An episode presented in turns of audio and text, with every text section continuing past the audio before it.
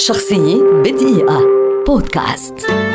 ولد الرسام الفرنسي أوسكار كلود مونيه في باريس عام 1840 وهو رائد المدرسة الانطباعية في الفن. فقد اشتق اسم هذه المدرسة من إحدى لوحاته الفنية. كان المعرض الذي أقيم عام 1874 ثوريا بكل ما للكلمة من معنى. فقد عرض فيه مونيه لوحته الشهيرة الانطباع وشروق الشمس التي تصور ميناء لوهافز في ضباب الصباح. وقد استخدم النقاد عنوان هذه اللوحة الفنية لوصف مجموعة من الفنانين الانطباعيين الذين قالوا عنهم إن أعمالهم تبدو لوحات تصويرية أكثر ما تكون عملا مكتملا. سعى مونيه عبر أعماله إلى التقاط جوهر عالم الطبيعة مستخدما ألوانا صافية ولمسات فرشاة جريئة وقصيرة. كذلك كانت مشاهد الصناعة حاضرة في أعمال مونيه فجاءت الأشكال في لوحاته أكثر معاصرة.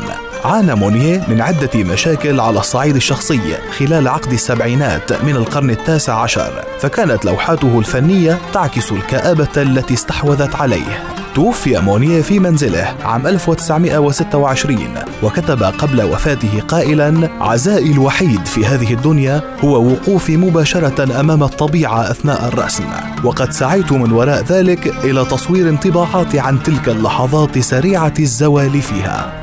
شخصية بدقيقة. بودكاست.